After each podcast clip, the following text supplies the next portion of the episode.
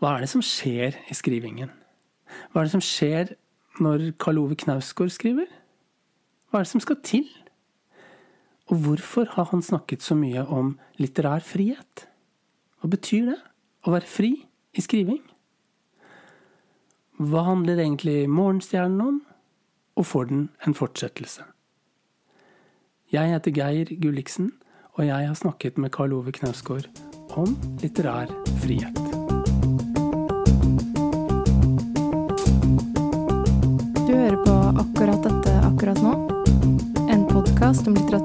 Med Geir Gulliksen.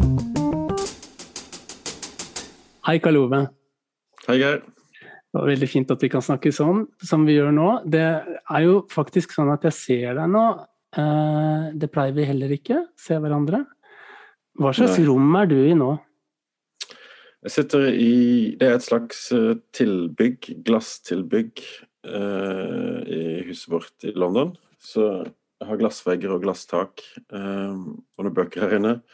Det er forferdelig lyst, så det er nesten umulig å se bokstavene når jeg sitter og skriver. Så jeg har brukt et par uker på å venne meg til Jeg har alltid likt å ha det veldig mørkt når jeg Ja. jobber. Og så liksom bare ha en lampe og resten mørkt, som en øy i mørket og sitte og skrive. Men eh, her er det ikke sånn. Men har du vennet deg til dette, da? Det, Ja, ja. du ser himmelen! Du kan bare se opp. Jeg ser aldri opp, da. Men jeg kan faktisk se himmelen, ja. Ja. Ser aldri opp, nei. Men det er også, jeg kan se ut også, da, i hagen her. Der er det faktisk eh, en rev som holder til. Så jeg ser, ser ut på den ganske ofte når den kommer. Mens du skriver, så ser du plutselig en rev. Ja, altså, det, er derfor, det finnes jo en del rever i uh, Morgenstjernen, og det er rett og slett derfor. Ja. Jeg husker en gang eh, jeg satt og skrev, og så sto reven helt ved døra og kikka inn liksom på meg. Så jeg tenkte da må jeg bruke en gang den følelsen av et eller annet eh, uhørt som Ja. uh, dukker opp der. Men det er jo mange sånne øyeblikk i Morgenstjernen hvor eh, det kommer en hjort, f.eks., helt tett innpå hun som heter Solveig. Ja, jeg vet ikke helt hvordan og hvorfor det dukka opp, da. Men um, um, Det med hjorten, da. Det, var egentlig, det er egentlig fordi min mor har alltid sagt at det bringer lykke å se Ikke sant? At det er en sånn en tro om at de betyr noe, da. Ja, Ah, hvis du ser et vilt dyr? Nei, en, en hjort. Oh, ja. Samme bestefaren min, eh, min morfar, han hadde også mange sånn forskjellige teorier om fugler og og ja, hva de bringer med seg, da, hva de betyr. ikke sant? Altså Tegn og varsler og sånt. Um, jeg har, så det har vært sånn langt i bakgrunnen. da. Um, men grunnen til at det skjer i, i den boka så gjennomgående, er, er jo bare en følelse av at noe er veldig galt, og at og at noe skjer uh, utenfor vår rekkevidde, men vi kan se det vi kan begynne å se det på, på en slags sånn unormal oppførsel. Og eh, noe av tanken i boka, som ikke er formulert noe sted i boka, men som, som er tanken i egentlig alle disse bøkene, er at vi har snudd ryggen til naturen. ja. Eh, og at det har veldig store konsekvenser. Og det er en slags sånn bakgrunnstanke som jeg har hatt når jeg har jobba med dette. da. Eh, men den fins ikke uttalt i boka, selvfølgelig. Så det er ikke, det er ikke sånn. Men, men det er noe der som jeg, som jeg holder på å gå inn i. da. ja. Du, Morgenstjernen er jo på mange måter en veldig annerledes roman i forfatterskapet ditt, egentlig. Ja. Kan du Jeg, jeg syns det er så interessant bare de, de der, det er, Jeg vet det er et barnslig spørsmål, men, men det er liksom det derre Hvordan kom den ideen? Liksom, hvilken idé kom først? Hva, Ja, hvor begynte det? Eh, nei, det vet jeg faktisk. Det kan jeg faktisk ikke huske. Um, um, For den Jeg begynte vel ikke at- ja. Ja, nei, men For det er jo så mange, mange nivåer man jobber på når man jobber med en roman. Uh, Ja. Selv om det er veldig enkelt også. Så, men eksempel en ting at det skulle være mange stemmer, da. Det var, det var veldig viktig. For det skaper en bestemt type roman. En helt annen type roman enn en bok med bare én stemme. Og jeg har alltid skrevet Ikke alltid, men 98% av tida har det vært med én stemme. Um, og så var det et unntak i den boka som heter 'En tid for alt', hvor det finnes litt tredjeperson osv., men, men egentlig ikke eh, egentlig ikke så mye. Så jeg har alltid skrevet eh, med én røst, og her skulle jeg prøve å skrive med mange røster. Da, for å Ja. Det er veldig styrende for hvordan romanen blir. da. Ja. Og det er jo Det er mange stemmer, ja. Og det er øh, Jeg husker ikke hvor mange det er engang. Husker du det selv? Det er ni. Ja. Mm. Uh, Arne og Katrine vil jeg gjerne snakke med deg om, og, og Egil og Jostein og Solveig i hvert fall. Det er, um, vi får se hva vi får til. ja. Hvordan kommer disse personene til deg? Dette er de barnsligste spørsmålene, vet du. ikke sant? Sånn, det, hvordan fant du på det? det er de beste, for det, det lurer jeg også på, ikke sant? Uh, og det går helt inn til kjernen av hva, hva det er å skrive. Uh, um, det, det, som jeg syns er interessant, er at det er ikke så veldig forskjellig å skulle skrive om seg sjøl når man f.eks. var 16. For hva skal til for å gjøre det? Du må jo ha en stemme. og du må, Jeg må iallfall ha et sted. Og det er ofte veldig, et, veldig ofte et geografisk sted. Og en stemme og en slags stemning.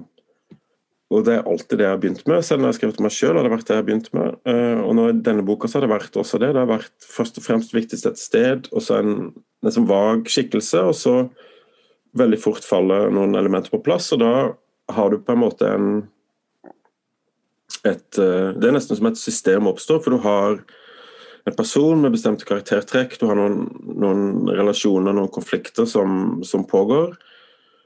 Og så er det rett og slett å gå inn i den karakteren og møte de konfliktene med det du har, som ikke er det jeg har, men som er denne karakteren har. Og da oppstår det noe igjen, og det fører deg videre til et annet sted. og så det oppstår en slags logikk da, som, som bare fører, fører, teksten av gårde. Det handler ikke om inspirasjon eller at det kommer utenfra, eller noe sånt, men en slags sånn intern logikk i, i å skrive. da. Mm. Men øh, den romanen begynte med, utenfor romanen, egentlig, øh, med noe som heter Solveig. For jeg, jeg fikk et oppdrag fra Festspillene i Bergen som jeg feila på det mest grusomme. Men jeg skulle skrive en libretto til en, øh, til en Ikke til en opera, men til en slags musikalsk forestilling. da, Som skulle ta utgangspunkt i Solveig-skikkelsen i Per Gynt. Eh, så jeg leste Per Gynt, og, og, det var utrolig interessant. Men jeg klarte ikke å skrive noe libretto, jeg kan jo ikke det. Så jeg skrev bare en helt vanlig tekst som jeg alltid gjør, med, med en karakter som het Solveig som, som, eh, som hovedperson. Og det som var med henne, var at hun var nesten selvutslettende god, for det er jo i, i Per Gynt. Nesten det gode. Nesten eh, Som en slags nesten sånn ur mor-kvinneskikkelse som, som, er til for andre, eller som, som, som gir alt til andre og, og ingenting til seg sjøl, og som, som, er full av kjærlighet. Mm. Eh, om dette skal være en realistisk bok, så jeg kunne ikke bare, bare ha det. så det, det, er jo en setting med, med, at hun jobber som sykepleier, og at hun tar seg av sin mor eh, hjemme, sin gamle mor som er syk, og så er en datter som kommer på besøk, som også må ta seg av så det er tre kvinner i ett hus. da. Mm. Um, og det var forferdelig vanskelig. For det første så har jeg aldri skrevet om en kvinne før. Uh, og det skapte masse problemer. Det, på en måte innskrenka skrivinga mi voldsomt. da. For det, da kunne jeg bare skrive det som jeg absolutt helt sikkert visste at en kvinne ville kunne gjøre, som var f.eks. å se ut og se på et tre eller noe sånt. Det kan jo da kvinner gjøre også. Eh, men det var først når jeg slapp tak i det, at det begynte å, det begynte å bli mer en person. Da. Og Jeg syns fortsatt at det, det, ligger elementer av det i, i, den skikkelsen, men det er ikke sikkert det gjør så mye. For det, det ligger også i sakens natur at hun ikke er veldig selvopptatt. Ikke, hun har liksom ingen egne konflikter, nesten ikke. da. Så det er veldig annerledes enn alt annet jeg har skrevet om, men det, det klinger jo også med der. Så, men det var der det begynte, da. Så hun, ble, hun var den første, men hun ble den andre i boka, tror jeg. Og så øh, en annen karakter som som begynner med på et sommersted i, i, i, på Sørlandet, som er Arne. da. Der var stedet en slags blanding av uh, der jeg bodde i Sverige, og der jeg vokste opp i Tromøya. Det er et slags fiktivt sted, men det har elementer av ikke sant? Og det er stedet i hodet mitt, og der så, så bare sitter han og drikker vin. Så kommer kona hans gående, og så, og så er det en så er det en ja, den samme bevegelsen igjen. Og I den boka er det ni sånne forskjellige bevegelser som, som alle er skrevet i mitt språk, selvfølgelig, men som har ulike retninger og ulike interesser og, og beveger seg litt på ulike måter. Det håper jeg.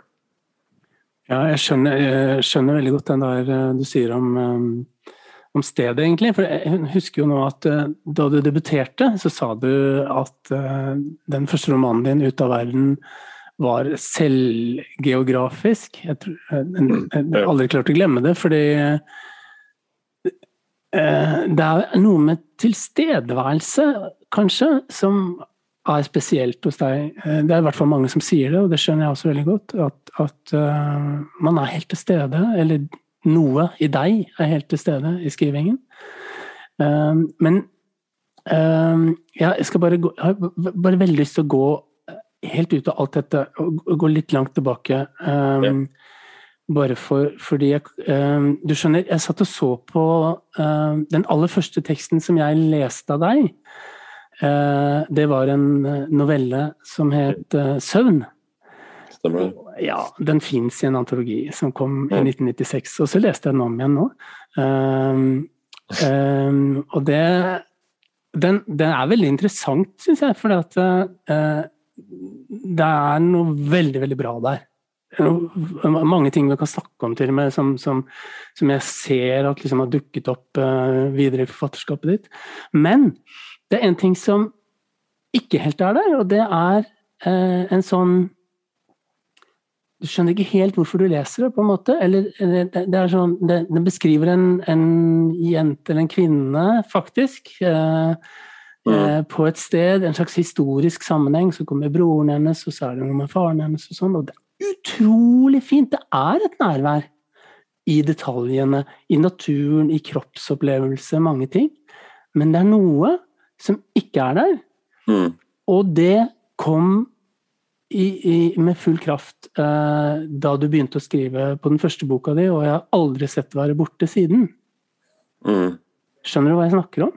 Ja, jeg skjønner godt, jeg skjønner godt hva du snakker om. Det er en veldig fin måte å, å snakke om det som ikke var der på. Uh, uh, um, nei, fordi at um, når jeg begynte å skrive, da, som mer eller mindre seriøst, jeg, jeg ville bli forfatter og ville skrive en bok, da, så um, Jeg har ingenting av det nå lenger, det fins ikke lenger, men jeg husker, jeg husker Jeg husker det. Der tror jeg at det var nærvær. Det tror jeg det var det som var jeg skrev tekster da jeg var 18-19. Jeg skrev en halv roman. Jeg sendte det til Skrivekunstakademiet. Jeg kom inn på det, da, selv om jeg egentlig var altfor ung. Og det må ha vært derfor. Eh, det var en tilstedeværelse i det. Jeg husker også når jeg skrev, hvor jeg var helt inne i det. Men det var veldig, veldig tilstedeværelse av en veldig ung mann som, og hadde ingen ingen um, selvinnsikt, eller visste ingenting om teksten. Det var liksom bare inni noe. Og det morsomme er, det er kanskje litt privat, men jeg snakka nettopp med min mor om noe helt annet. Om, um, om å oppdra tenåringer og sånt. Og hun, Eh, og i går eh, og hun, hun, bare fortalte sånn eh, i forbifarten at ja, da jeg var 16 og det var, Jeg var ekstremt moden på, på noen måter intellektuelt sett, men emosjonelt sett kanskje ekstremt umoden. ikke sant? Det, jeg har aldri sagt for aldri hørt ting om det, men jeg vet jo så klart at jo, det stemmer det. Det var jo bare ideer og, og, og tanker og idealer og alt sånt, og så ingenting av følelsesliv hang ikke med. ikke sant? Og så tror jeg at det, når jeg skrev, så, så, var det bare følelsene som som var der, og så pluss en sånn eh, standard uh, litteraturteknisk ting som jeg hadde tatt inn som har med alt jeg hadde lest. ikke sant? Særlig da det var Ingvar Arnbjørnsen, uh, Lars Aabye Christensen, Ulf Lundell, den, den tradisjonen da som jeg hadde lest. Så det var en slags uh, umodne følelser nærværende i en uh, form som ikke var min egen. Men, det, men jeg tror at det var, var et nærvær der. Da. Og så begynte jeg på Skrivekunstakademiet, og der lærte jeg jo da at Da så jeg jo, skjønte jo, ble enormt kritisert hele tida for for det umodne. da. Altså Det som ikke var, det var ikke ordentlig, liksom. Det var ikke, det var ikke sånn det skulle være, det var ikke sånn det så ut. Og Da begynte jeg å bli opptatt av hvordan det så ut. Eh, ikke så veldig bevisst, tror jeg, men, men, det var det. Altså, hvis det så ut som litteratur, eller det så ut som noe sånt, så, så var det bra. Da leste jeg masse, masse fantastisk bra litteratur og, og sånt. Eh, men, men gikk liksom bort fra hva jeg egentlig sjøl likte, osv. Altså, jeg likte det fordi at sånn og sånn for eksempel, ja, også noe som jeg kjemper med, og jeg er veldig glad for at jeg gjorde det nå. For nå er jeg på et litt annet sted og kan se, se, se hvor bra det egentlig var. da. Men for en lang historie kort, akkurat da så skrev jeg masse ting som var ikke meg. Hadde ingenting nærvær, eh, men som var ja, mer sånn som litteratur skulle være, på en måte, eller sånn som jeg trodde det skulle være. Og det var ikke noe godt i det hele tatt. Og, og jeg nådde et slags sånn nullpunkt, for de inviterte uh, tidligere elever ved Skrivekursakademiet til antologi. og Det skal liksom ingenting til å komme med en sånn antologi, men, men jeg ble refusert. da. Og Det var liksom nådestøtet. Da tenkte jeg nå er det over. da. Og Så begynte jeg på et sånt prosjekt om seilskute, slaveskip, som uh, um, sank utenfor Tromøya der jeg vokste opp, og som jeg husker rektoren på skolen fant som dykker. Så jeg, når jeg var vet ikke, ni-ti år, eller noe sånt, det var en stor ting. da. Og Så leste jeg en bok om det, og så, og så begynte jeg å lage en, en, dokumentarroman om den båten som het Fredensborg. Da.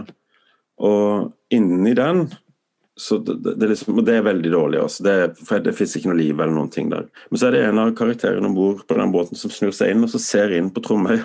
Og Der er det liksom en gård, og der skjer dette. da. Som en liten sånn historie inni historien. Ah. Og, og, den er også veldig Det er trommekirke, det er Tromme Det er liksom hele det, geografiske nærværet. da, og og der, der, er det et eller annet annet, da.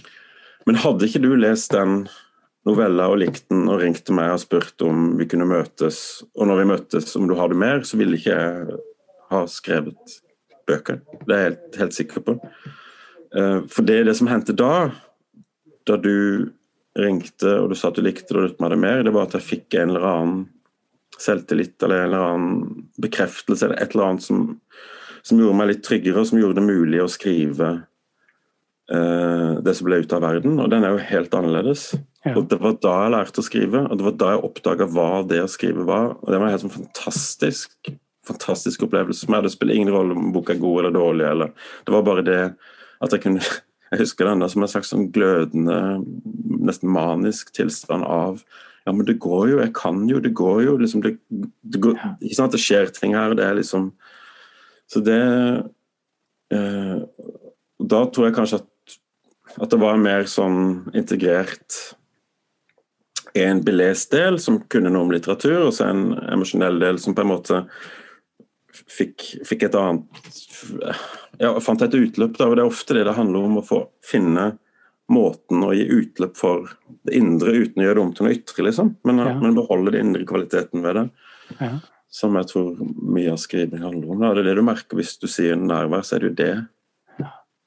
Det er helt slående, faktisk, eh, og, og, veldig fint når du beskriver det nå selv også. Men, og helt slående den forskjellen på fordi det var jo veldig bra. Det var veldig bra, den første teksten der, men, men den har ikke det som, som er eh, liksom den ja, det voldsomme nærværet, da. Som, som, jo ikke Men ja, du har beskrevet det fantastisk egentlig selv nå.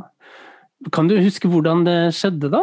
Liksom? Det første du skrev på, på Ut av verden? Hvordan Eller ja. liksom Ja? Um, ja, nei, det var også Jeg husker Jeg tror Jeg hadde snakka med deg, uh, og du sa at du lurte på om jeg hadde mer. Da var det ikke snakk om å utgi noen ting, da, men det var liksom det at en redaktør skulle lese det. Så, så dro jeg til Kristiansand, og så leide en leilighet der en måned, eller noe sånt, og så satt vi der og skulle skrive. Så visste jeg ikke hva jeg skulle skrive om. Så jeg dro inn til Kristiansand biblioteket der, eh, satt der og da hørte en samtale mellom noen jenter. og Så gikk jeg hjem og så skrev jeg den samtalen. Og Så begynte jeg å beskrive Kristiansand, og så, så, og så plutselig så Dette er byen som jeg bodde i da jeg gikk på gymnaset. Så begynte jeg å skrive om gymnastida. Og, og så ble det jeg plutselig fant ut at jeg kunne bruke det Jeg vet egentlig det jeg hadde gjort da jeg var 19 også, men jeg kunne bruke det jeg hadde opplevd som jeg ville, som et slags råmateriale. Så jeg kunne, kunne bare overdrive det, dikte opp det, men beholde en kjerne. ikke sant? Og så og rett og slett gå inn og, og gestalte noe. da. som, og det er veldig viktig at det ikke var meg, og det var det som var den friheten. ikke sant? Det var liksom, det bare åpna seg, det kunne gjøre hva som helst. Ja. Fordi at det var et språk der til det. Um, og, og, så var det mye som hendte senere i den boka, den ble helt annerledes osv. Men, men det var det at um, uh, Ja, det, det, fantes, um, det fantes et språk. Og uh, en detalj da, som, som var ganske viktig, og det handler om samarbeidet mellom forfatter og redaktør også.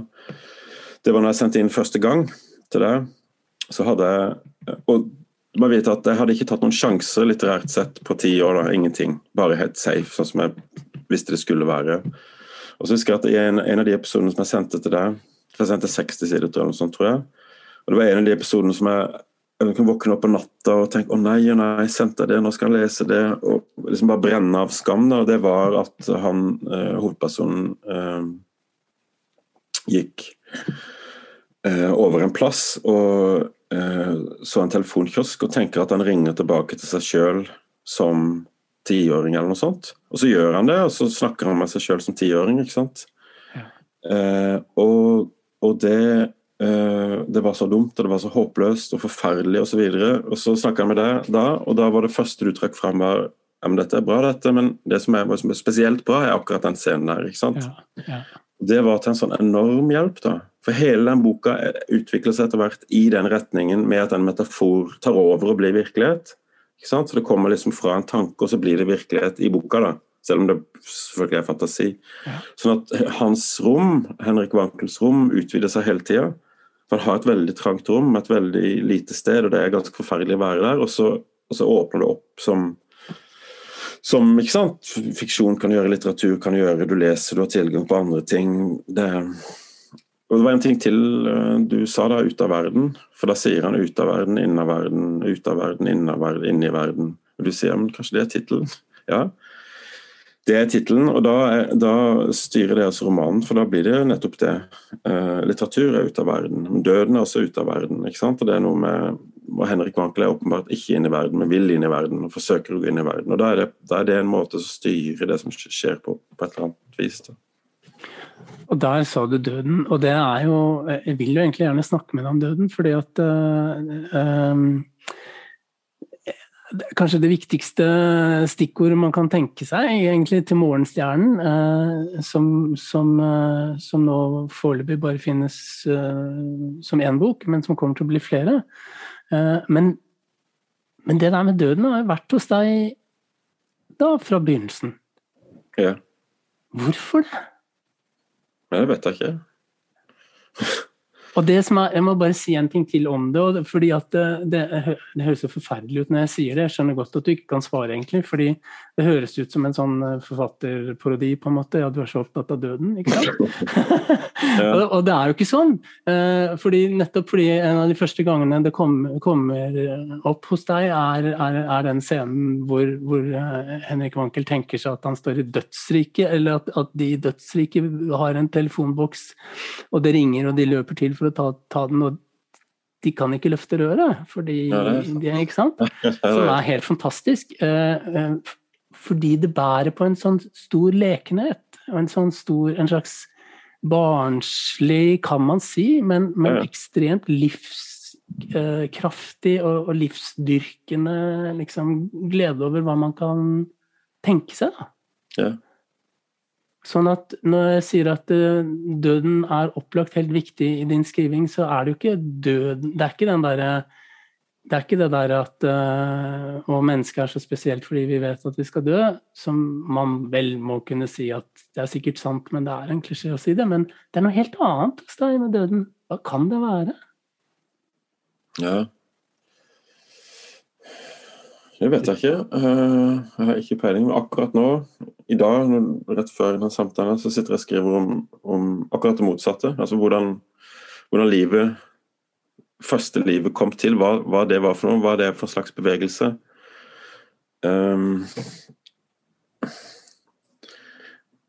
og det, det, Når man tenker på eksistensen og tenker på at vi er her, så er det, det er liksom, det er bare det. Det er de to grensene man kan gå mot. Det er mot når vi ikke er her. Ikke sant? Og um, ja, det, jeg kan ikke forstå at jeg gjør noe annet å skrive om enn det. Det er, det er det er så definerende for oss, og det er også et så stort mysterium. Og, og det har noe som definerer oss fullstendig, som vi ikke vet hva er for noe. Det er liksom Det er Ja, det genererer iallfall veldig mye hos meg. Men uh, jeg har en kompis uh, som også heter Geir, som, uh, som, sa det at døden er jo bare en fattigmannslidelse, liksom, for, det, for en forfatter. Da, at Hvis jeg ikke har noe eget, så kan jeg alltid skrive om døden, for det har jo alle.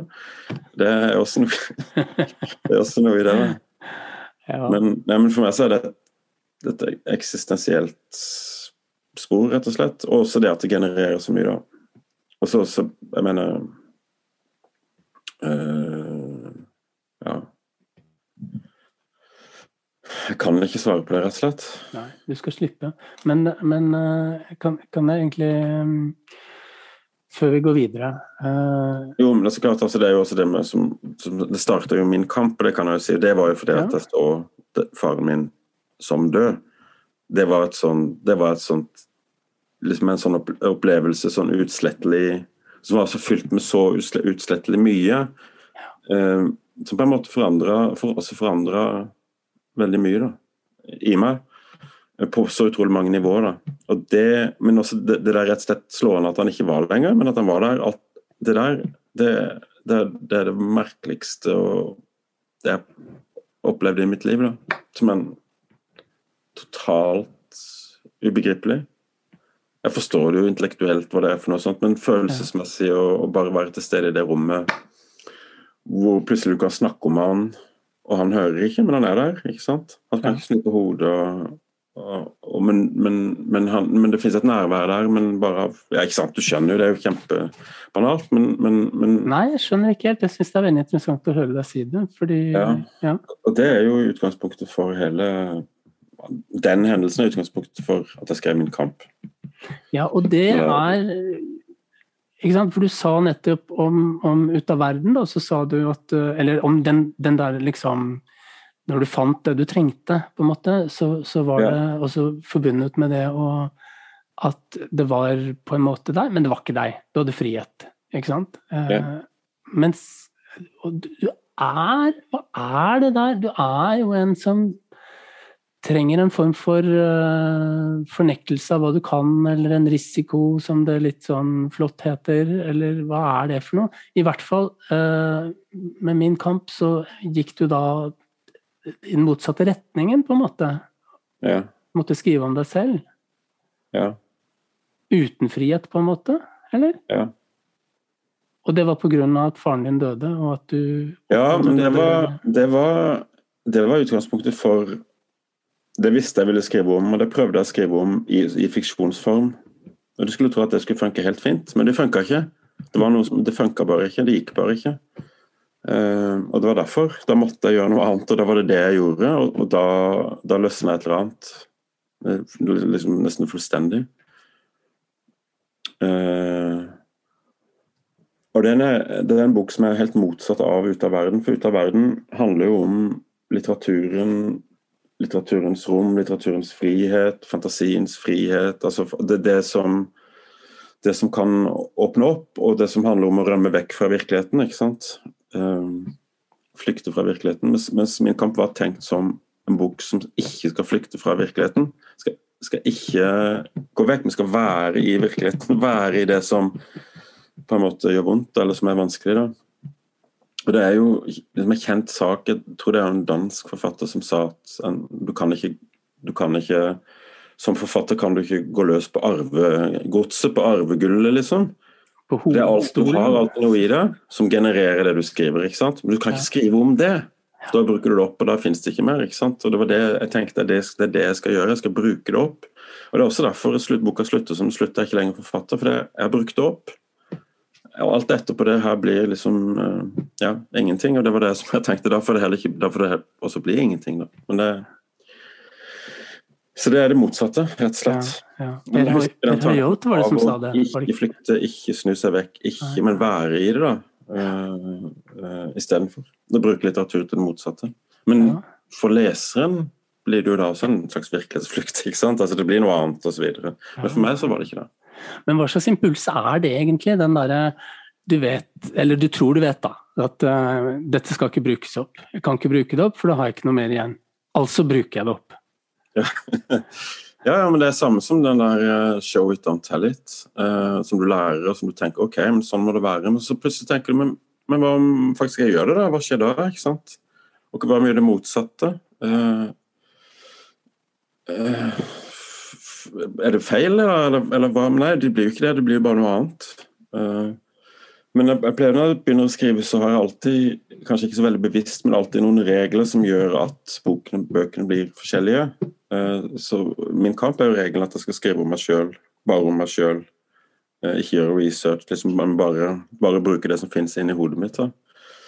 Mens uh, i Morgenstjernen blir jo regelen helt annerledes, for det er mange forskjellige jeg-personer som alle har ulike drivkrefter og, og sånt. Og det, det er det som former boka. Og i mm i de um, årstidsbøkene, er det jo det at det er en tekst om et objekt, og det gjør det jo totalt annerledes enn Min kamp, f.eks., selv om det er som skriver det og sånt. Det er, bare, det er noen sånne regler som, som gjør uh, det mulig å, å, flytte seg vekk fra det man tidligere har gjort, og flytte seg vekk fra seg sjøl også, og som gjør at selv det gamle arvegodset kan virke nytt. da, For det, det, det finnes en ny vinkel inn, inn til det, liksom. Mm.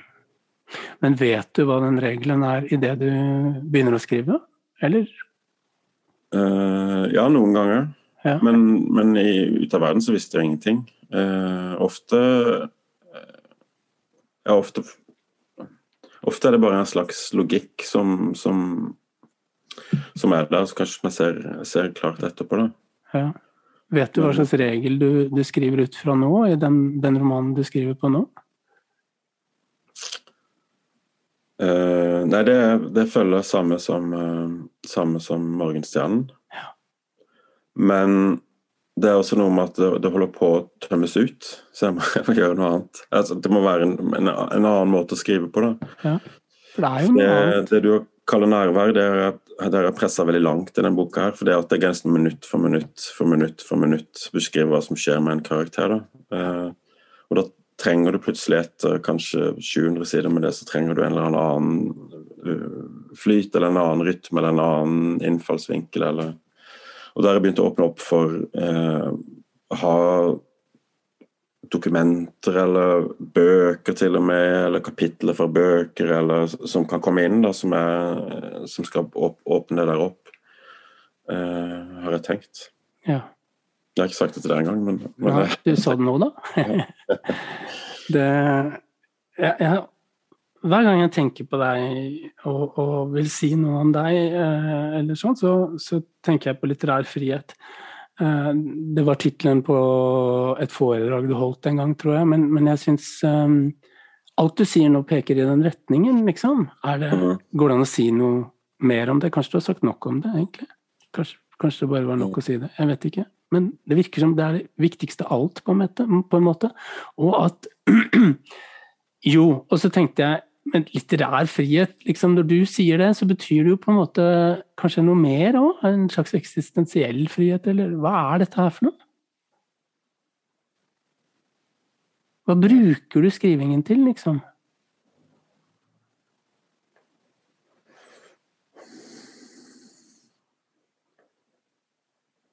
prøver å bruke den til å komme til steder som jeg ikke har vært på før. Uh, og se ting som jeg ikke har sett før. Uh, og det, det, skjer veldig sjeldent, men det er en bevegelse mot det hele tida. Så det forlater det jeg vet, det jeg kan. Men, men bare noen ganger, helt noen ganger så kan det være et sånn øyeblikk hvor det er helt ubegripelig at jeg skulle ha skrevet det eller tenkt det, eller sånn. ikke sant? Uh, uh, så det er egentlig frihet fra veldig mye ens egne tanker og ens egne eh, begrensninger, ens egne oppfatninger, ens egen statiske må måte å være, være, i verden på. Eh, Gjør det noe med det? Bare når jeg skriver. Ja. Ja, ja. Nei, det hjelper ikke på noe annet. Det er ikke sånn at jeg men um, Du går ikke ut av det der kontoret der eh, på slutten av dagen og er et friere menneske enn du var da du satte deg inn? nei, nei, nei, nei, nei, nei. Det, det er også veldig interessant. For det, det, hva er det som gjør oss eh, Jeg vet ikke, Det ufrie er feil, da, for det er ikke det vi er. Men hva er det som gjør oss liksom at vi er der vi er, og ser alt på den samme måten, opplever, føler, tenker det samme, ikke sant? Eh, og det, liksom, det finnes ingen måte å Det er ikke heller kanskje ønskelig å komme vekk fra det, men det er et eller annet med Ja, men alt det med for Vi vet jo at veldig mye av det vi tenker er feil. Ikke sant? Er sånn er det bare. Men likevel så lever vi som om det er sant og rett og det eneste osv. Jeg syns det er så fantastisk. Jeg har lest en biografi om Søren Kirke, og lest litt Kirkegård. da. Og det med han som er slående med han, da, er for det første at han døde veldig ung. For det andre at han skrev faktisk hele tida. Han har faktisk ingen livserfaring. Det går ikke an å se Søren Kirke og si han er full av livserfaring. Han hadde masse i familien som døde, og han hadde et, en sånn kort, uh, kort uh, fase, en forlovelsesfase. Men han hadde aldri noe forhold, ingen barn, ingen, ingen relasjoner. ikke noe... Han gikk på tur liksom og hilste på folk, og, men hadde ikke noen som man kaller et rikt, fyldig, erfaringsbasert liv.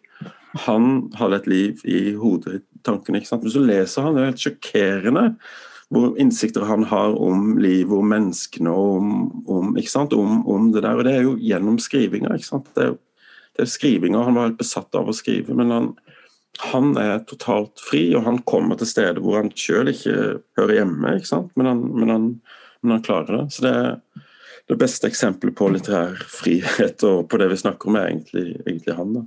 Han har skrevet så alle de bøkene han skrev, for hele forfatterskapet kom til i løpet av ti år. ikke sant? Det er helt utrolig. Så ja. Og Det mest fantastiske med han er at han er eneste verdensforfatteren vi kan lese på originalspråket. Så, som er, ikke sant? Det andre må vi lese på engelsk eller tysk, eller, men som er skrevet på vårt språk. da. For det er jo skrevet på samme språk som Hamsun og Ibsen og dansk. Det er jo egentlig norsk. Ja. Fantastisk. Du, jeg, jeg uh, I desperasjon, egentlig litt Men vi skal jo dit uansett, da. Men i desperasjon for jeg ikke visste hvordan jeg skulle turnere det du sa nå.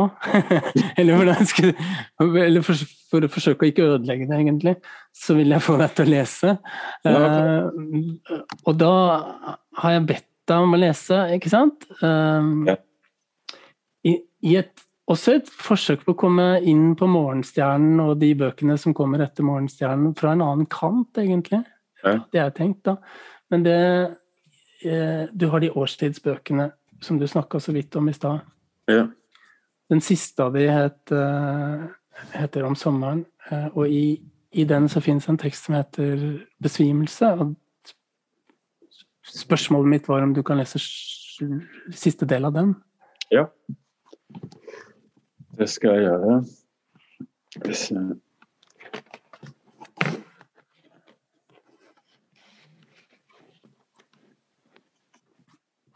Og rigge til her litt før vi leser fra PC-en. Ikke sant? Ja. Jeg vet, Den er sikkert den er, ikke, den er uredigert, jeg leser, så vet ikke om det er samme bok. Desto bedre, desto ja. bedre, tenker jeg. Du har ikke dine egne bøker på norsk? Nei, jeg har ikke de her. Er det med vilje? Hæ? Er det med vilje? Ja, uh, egentlig så er det det at jeg har tatt uh, uh, Faktisk så har jeg flytta alle bøkene fra Jeg bodde i Sverige. Det er ikke plass til de her, så jeg flytta det til en garasje. Men det som står igjen i Sverige, er alle mine bøker. Og hva er poenget med ikke å ha dem? Jeg, jeg vil ikke bli påminnet, så mm. jeg har ikke noe bruk for de heller. Mm. ja. Så har jeg de på maskinen hvis jeg trenger liksom å sjekke et eller annet. Ja. Men OK. Da begynner jeg å lese, da. Bra. Luften var varm og full av stemmer som ga gjenklang mot vegger og tak, nesten gjallende. Flere grupper kom bort til meg. Ofte var det kvinnene som tok initiativet, mens mennene så bort demonstrativt uinteresserte. De fleste var forfattere, og da var det vel slik, tenkte jeg da jeg bøyde meg fram for å forsøke å høre hva de sa, at mennene følte at de hadde sin integritet å ta vare på, mens kvinnene ikke tenkte slik. Jeg visste uansett ikke hva jeg skulle si. Stort sett bare nikket og smilte jeg, så åpenbart ubekvem at det påvirket dem som hadde kommet bort. De visste plutselig heller ikke hva de skulle si, og vendte seg vekk eller gjenopptok tidligere samtaler. Bare jeg kunne sette meg ned et sted, tenkte jeg, men det fantes ingen stoler. To kvinner kom bort, de var i 50-årene og øynene deres skinte. Da jeg sto og hørte på dem, ble jeg plutselig uvel.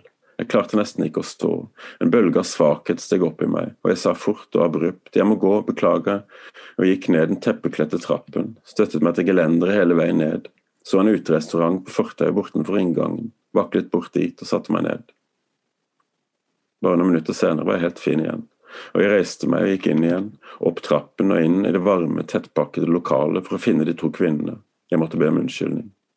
Da jeg kom inn, vendte følelsen av kroppslig ubehag tilbake som om den lå i luften, og forplantet seg i kroppen idet jeg pustet luften inn, bredte seg ut som et teppe av noe svakt og mykt. De to kvinnene sto heldigvis på samme sted. Jeg gikk bort til dem og sa at jeg beklagde, men at jeg plutselig hadde blitt dårlig og måtte ha litt frisk luft. Jeg kunne nesten ikke stå på bena, sa jeg. De lo og sa at jeg hadde begynt å lure, om de hadde sagt noe forferdelig eller om jeg ikke hadde likt dem. Nei, nei, det var bare så vidt jeg klarte å holde meg på bena, sa jeg, så jeg måtte ha litt frisk luft. Idet jeg sa det, kom det tilbake, bare mye sterkere. Jeg måtte ut, og jeg tok noen steg mot utgangen, og en bølge av noe svart steg i meg, og det er det siste jeg husker. Jeg ser kanskje ti ansikter, de stirrer alle ned på meg, og selv om de befinner seg på nært hold, er det som om jeg ser dem på stor avstand. Jeg forstår ikke hva det er jeg ser. Det er som om jeg selv ikke er til stede, som jeg ikke er i situasjonen, og at jeg ser dem gjennom et medium. Jeg vet ikke hvem jeg er. Jeg vet ikke hvem de er. Og det er helt forferdelig. For jeg er ingen, samtidig som ansiktene foran meg bryr seg om det de ser på. Er det noe i fortiden jeg ser inn i? For det er som om jeg er et helt annet sted, i en annen dimensjon, eller et annet sted i universet, omgitt av mørket, hvorfor jeg ser ned på disse ansiktene, samtidig som de er helt nære. Ikke reis deg, bli liggende, sier en kvinne, det kan være farlig om du reiser deg for fort.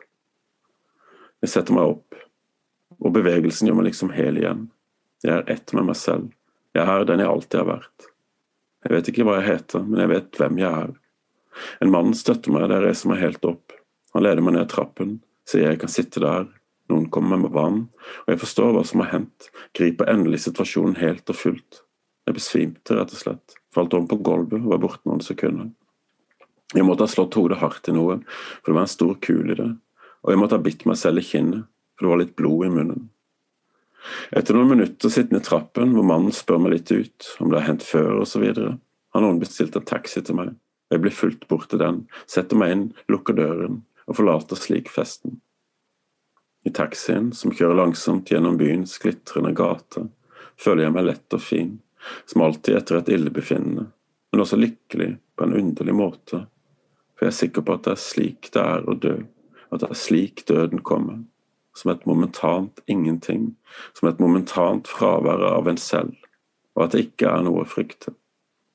Det foruroligende var det jeg så mens jeg fortsatt var ingen i mørket, bildet av de stirrende, urolige ansiktene. Foruroligende fordi jeg var helt uforbundet til dem, og de til meg, eller til det i meg som så dem. Om man som død ikke bare blir værende i det tomme intet, men kommer tilbake i mørket, tenkte jeg da jeg satt i baksetet på taxiene så ut på de vårlyse gatene, er det uten å forstå de levende. Ja. Takk skal du ha. Jeg hadde helt glemt den teksten også. Jeg er veldig, veldig nær eh, morgenstjernen, som du sier. Ja, og det er et eller annet som eh, Atter en gang et eller annet med at eh, utenfor deg selv, eller ut av, ut av, deg selv, ut av livet, ut av ja. Det er jo en, en faktisk hendelse. Det hendte her i London. og Det var, helt, vak, som jeg beskriver det. Altså. Men den følelsen var helt, helt vill. Altså. Å se noe og ikke være til stede i det som ser, men være et annet sted. Det var liksom, ikke sant, Å ikke vite hvem du er, ikke vite noen ting, men bare se. Det var som å tenke deg, Hvis du er oppe i universet, så se ned på jorda. Det er et TV-apparat som står og lyser, og det er mennesker der. Du vet ikke om dette er 1960, 1980, du vet ikke hvem de er, du vet ikke hvor du er hen. Totalt. Alt i løpet av kanskje et minutt, eller noe sånt. Men den følelsen å åpne øynene og så se disse menneskene og ikke være der, var helt Var det skremmende eller fascinerende? Det var fascinerende. Det var ikke skremmende, det var fascinerende. Ja. Jeg var veldig glad for det etterpå, at jeg hadde, hadde opplevd det. Men du, i Morgenstjernen så er det en, en viktig eh, person, han som heter Egil, eh, som er Ja. eh, Jeg blir liksom litt rørt bare av å tenke på han. Han, han er en sånn lever alene Alt har gått litt galt på én måte. Ja. Um, og jeg vet ikke hvor mye av historien hans vi egentlig skal fortelle nå. Det blir veldig fristende å bare plutselig begynne å gjenfortelle, for det er en veldig, veldig gripende historie. Men i hvert fall så er det sånn at eh, han ganske tidlig i livet får et slags sammenbrudd. Eh, og det skyldes at han har hatt en slags visjon. Eller er det ikke sånn? Um, mm, jeg tror at det høres sannsynlig ut. Eh, jeg husker ikke så godt. Det er egentlig ikke jeg som skriver disse bøkene, skjønner du. Det er den andre. Jeg bare fronter det. Ja. Men, eh, Det var veldig fint å se deg akkurat nå. Det, det, ja. Men, eh, men den visjonen, hva var det du tenkte på da? Nei, du, fordi han, han, han øh, øh, Jeg har juksa, på en måte. Jeg har jo sittet og rota rundt i disse bøkene og hatt det veldig fint med det. Sånn at øh, i, ganske sent i Morgenstjernen så, så kommer et essay av, av Egil. Egil Ja. Stray heter han. Ja. Uh, og og der, der begynner han liksom å, å, å tenke seg Er det mulig å, å, å være et menneske liksom uten forbindelse med, med et menneske Ja, ja. uten navn, f.eks.? Ja, ja, stemmer det. Nei, det er den tanken om, om eh, total frihet. Ja. Total frihet som man er veldig opptatt av, som man har. Eh, ja, stemmer det. Det var sånn det var. Nei, jeg tror ikke at, uh, jeg tror ikke at sambruddet kommer av det, men, men jeg tror at de, de, eh, de ligger side ved side der. Mm. Eh, jeg tenkte aldri på det at det var noen forbindelse mellom dem. Eh, men eh, det er ofte sånn når man skriver, at forbindelsen lages et annet sted. Nei, men det er sant. Han har en enorm, enorm frihetstrang, da. Men du går i denne romanen veldig langt inn uh, i et religiøst språk mange steder. Ja. Du har f.eks. denne presten Katrine, som er Ja. Veldig fascinerende. Hun, hun Ja, i alle fall. eh, hun hun eh, står og Heter det forretter? Forretter i en begravelse? Heter det ikke det? Ja, Ja. Ehm, så er det noe med den døde som er utrolig skremmende men, men, eh, og interessant, da. Og, og, ja. Men, men du, lar, du skriver en preken for henne som, som jo Jeg vil tro at mange prester kunne liksom gjerne tatt den og brukt den, eller?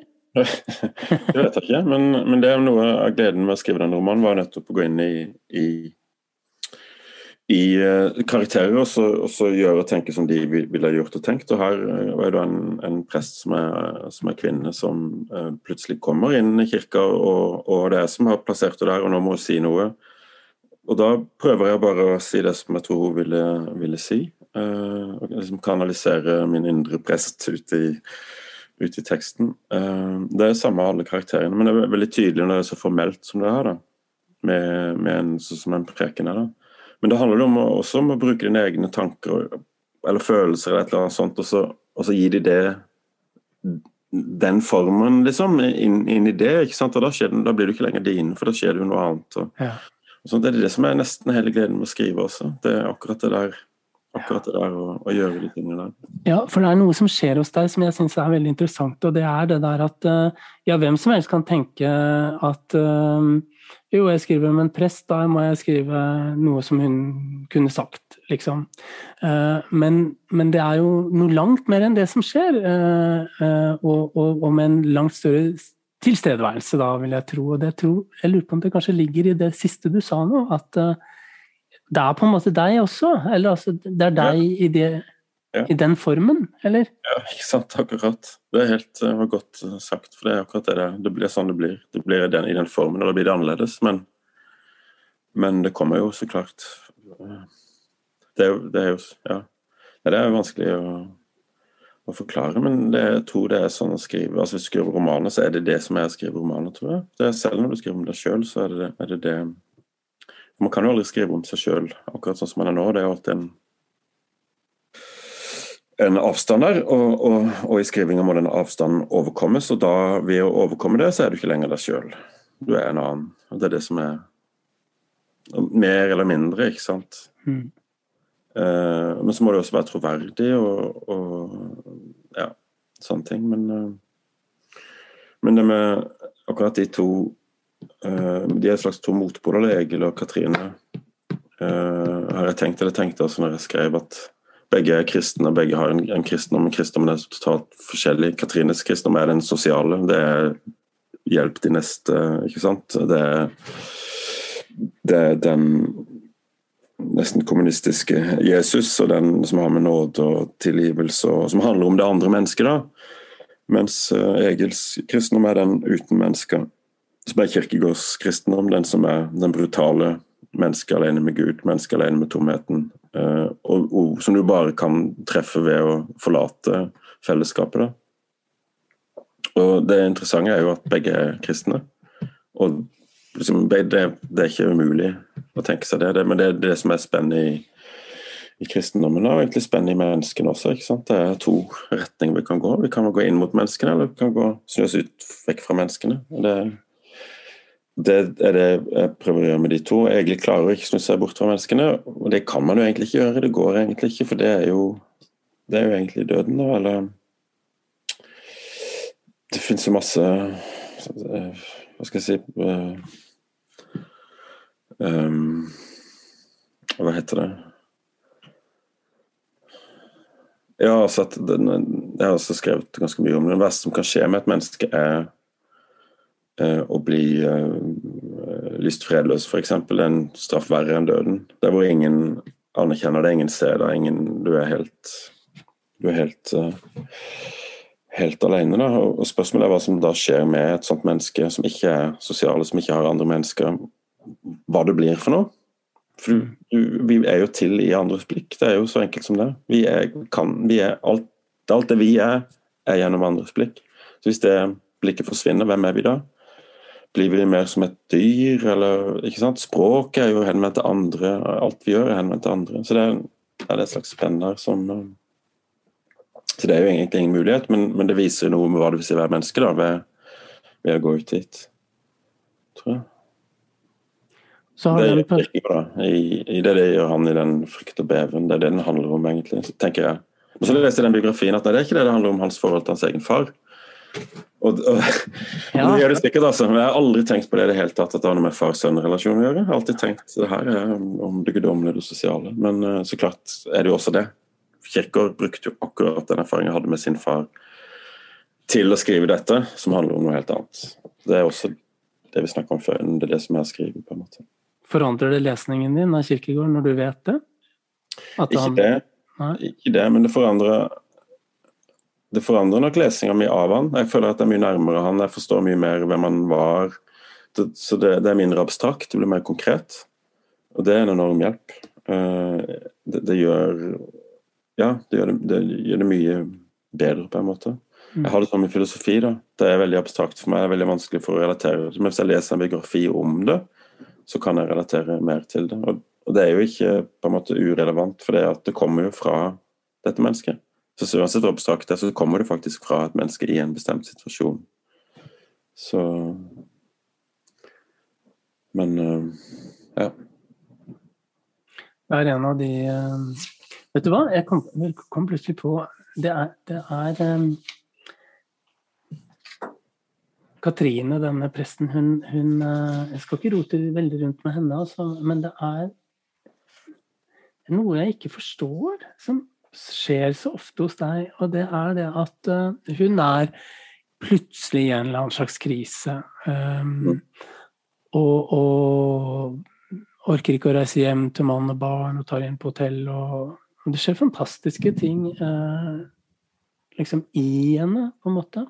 Men, men uh, så skjer det også ting bare sånn i forbifarten. Eh, og det Nå skal jeg bare lese, hvis du orker, eh, fem linjer eh, som plutselig står i et av disse kapitlene om, om Katrine. Jeg tror hun sitter på flybussen, og så står det noen sauer sto med hodet bøyd og beitet inntil en fjellknaus noen hundre meter bortenfor. Hvor utenkelig var det ikke at noen skulle lage en offerplass der, velge ut ett av dyrene og skjære over strupen på det, skvette blodet rituelt rundt og så steke det på et bål til Guds ære. Hvor annerledes var ikke vår tid. Men sauene var de samme, gresset var det samme, steinene, skyene, regnet. Dette er en sånn type bevegelse som forekommer hos deg ofte på veldig ulike måter, men som handler om en slags uh, Som om man bruker en kikkert og kommer veldig tett på noe, så går man veldig langt ut, og så ser man det plutselig fra en annen tid, eller fra Hva er det der? Ja, det finnes to måter å svare på det. På den ene måten å svare på er hvorfor, hvordan det er i skrivesituasjonen, hva som skjer i skrivesituasjonen. Den andre ja. måten er jo på hva, hva det gjør i teksten. Ja. Og jeg tenker jo aldri på hva det gjør i teksten. Det ser jeg etterpå, eller hører om det etterpå, eller sånt. Eh, men for men fra skrivesituasjonen så er det rett og slett utrolig enkelt. da. Det er jeg sitter i bussen der og kikker ut, hva kan jeg si? Jo, se det. Og så er det, det, er det første jeg tenker på, er det. Og så, så bare fortsetter jeg det, istedenfor bare å stoppe ved det, så tar jeg det litt lenger ut, og, og en tankerekke, da. Ja. Så blir det mange tankerekker som sprer seg ut i teksten, som, uh, som gir andre perspektiver på det. Andre perspektiver på Og så er det jo også sånn jeg, jeg, jeg veldig ofte tenker om, om, om vår tid, at alt er det samme. og Alt er egentlig uforandra, men, men, men, men måte å oppfatte det på, lese det på, forstå det på er totalt annerledes. ikke sant? Og Det er for meg en slags sånn uendelig kilde til fascinasjon. Mm. At, er, at, det faktisk er sånn. At verden da forandrer seg hele tida. Fordi at vi ser den annerledes, mens egentlig er den helt den samme. ikke sant?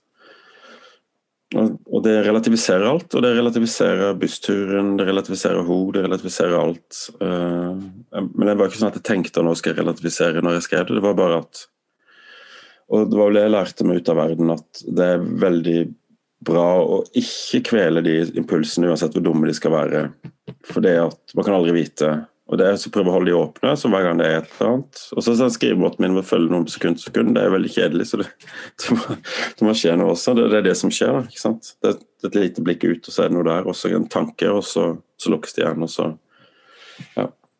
Så det er det der du kaller eh, at det relativiserer, det betyr på en måte liksom at alt kunne vært helt annerledes, eller? Ja, ja det betyr det.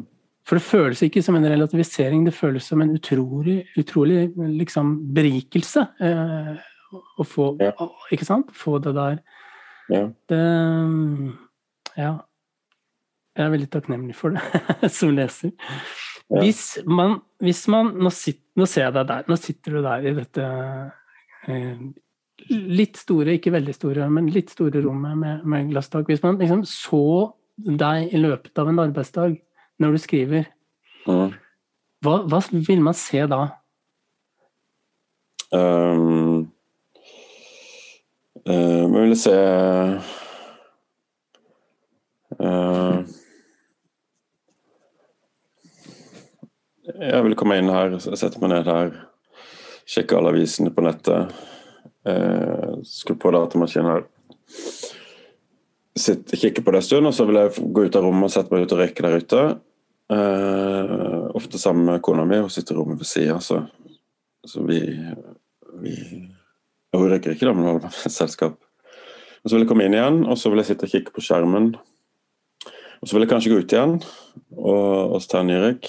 Uh, og så vil jeg komme inn igjen, og så, så vil jeg sitte her, kikke litt på det aller siste jeg har skrevet. Og så vil jeg enten skrive to-tre sider eh, i et jafs, eller kanskje én side, eller noe sånt, og så vil jeg gå ut. Så komme inn igjen. Eller så vil jeg ikke skrive noen ting, og så gå ut og være ut lenge, og så komme tilbake, og så skal jeg skrive tre sider. Men det går alltid veldig fort å skrive, så jeg bruker ikke lang tid på Jeg skal prøve å skrive tre sider hver dag minimum. For det skriver en roman, så er det det egentlig som kreves for at det skal holdes i gang, at det skal skje noe. da. Ja. For at ikke to måneder skal gå, og det ikke er noen side. Uh, og de tre sidene går veldig ofte veldig fort å skrive. Resten av dagen er liksom rundt de sidene, uh, for å komme inn i de og for Ikke sant. Så, så det er utrolig mye Hvis du ser det utenfra, så er det nesten som ingenting blir gjort. Så det er mye sitting og, og, og gå ut og gå inn og sånn, men Ja. sitte, sitte og se, Ja. og så plutselig så sitter den Ja. der kroppen og, og Ja, hamrer på tastaturet, da? Må liksom, må liksom virkelig bestemme nå skal jeg gjøre det, og så er det, det krever det masse vilje å gå inn i det. Uh, så, men så er det veldig lett når jeg er inne i det. Og, og da er det sånn Hvis noen banker på eller hvis et barn kommer inn, så holder jeg på å få hjerteslag, for jeg er så langt inn i det. Det er ikke lenge om gangen, men det er kanskje en time om gangen. Uh, og det er Ja. Det, det kan egentlig ikke sammenlignes med å lese. Man kan være så langt inn i en bok, men det er, en, det er liksom steget lenger inn i et eller annet eh, med konsentrasjon. Og det tror jeg er også en sånn veldig allmenn skriveerfaring. da. At eh, jeg, Ofte er jeg redd for liksom, det er så mye internett og jeg fikler for mye med det. Jeg kunne vært mer effektiv, men jeg kan egentlig ikke det. Så Jeg merka det når eh, lockdown kom. Da hadde jeg bare fire timer hver dag. Vanligvis er det seks timer hver dag pga. alle andre ting som gjøres. Men da hadde jeg bare fire timer hver dag. Og det forandrer ingenting på produktiviteten. Tvert imot. Altså. Det gjorde, for du trenger egentlig bare den i sånn råtid. Det er kanskje én time, to timer, men det, det er det, liksom. Der har du kommet dit. Ja, det er akkurat det. Ja. Og da sitter du, er det en som sitter og hamrer, tror du, på tastaturet? Det tenker du kanskje ikke på? Jeg, jeg gjør nok det, ja. Jeg bruker bare to fingre, så jeg går så hardt med de. Ja. Så det, det, er, det er totalt borte fra verden. Totalt borte. Det er den optimale plassen å være.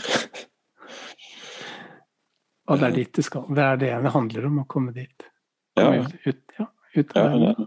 det er det. Og så har jeg lært meg å ikke bli frustrert.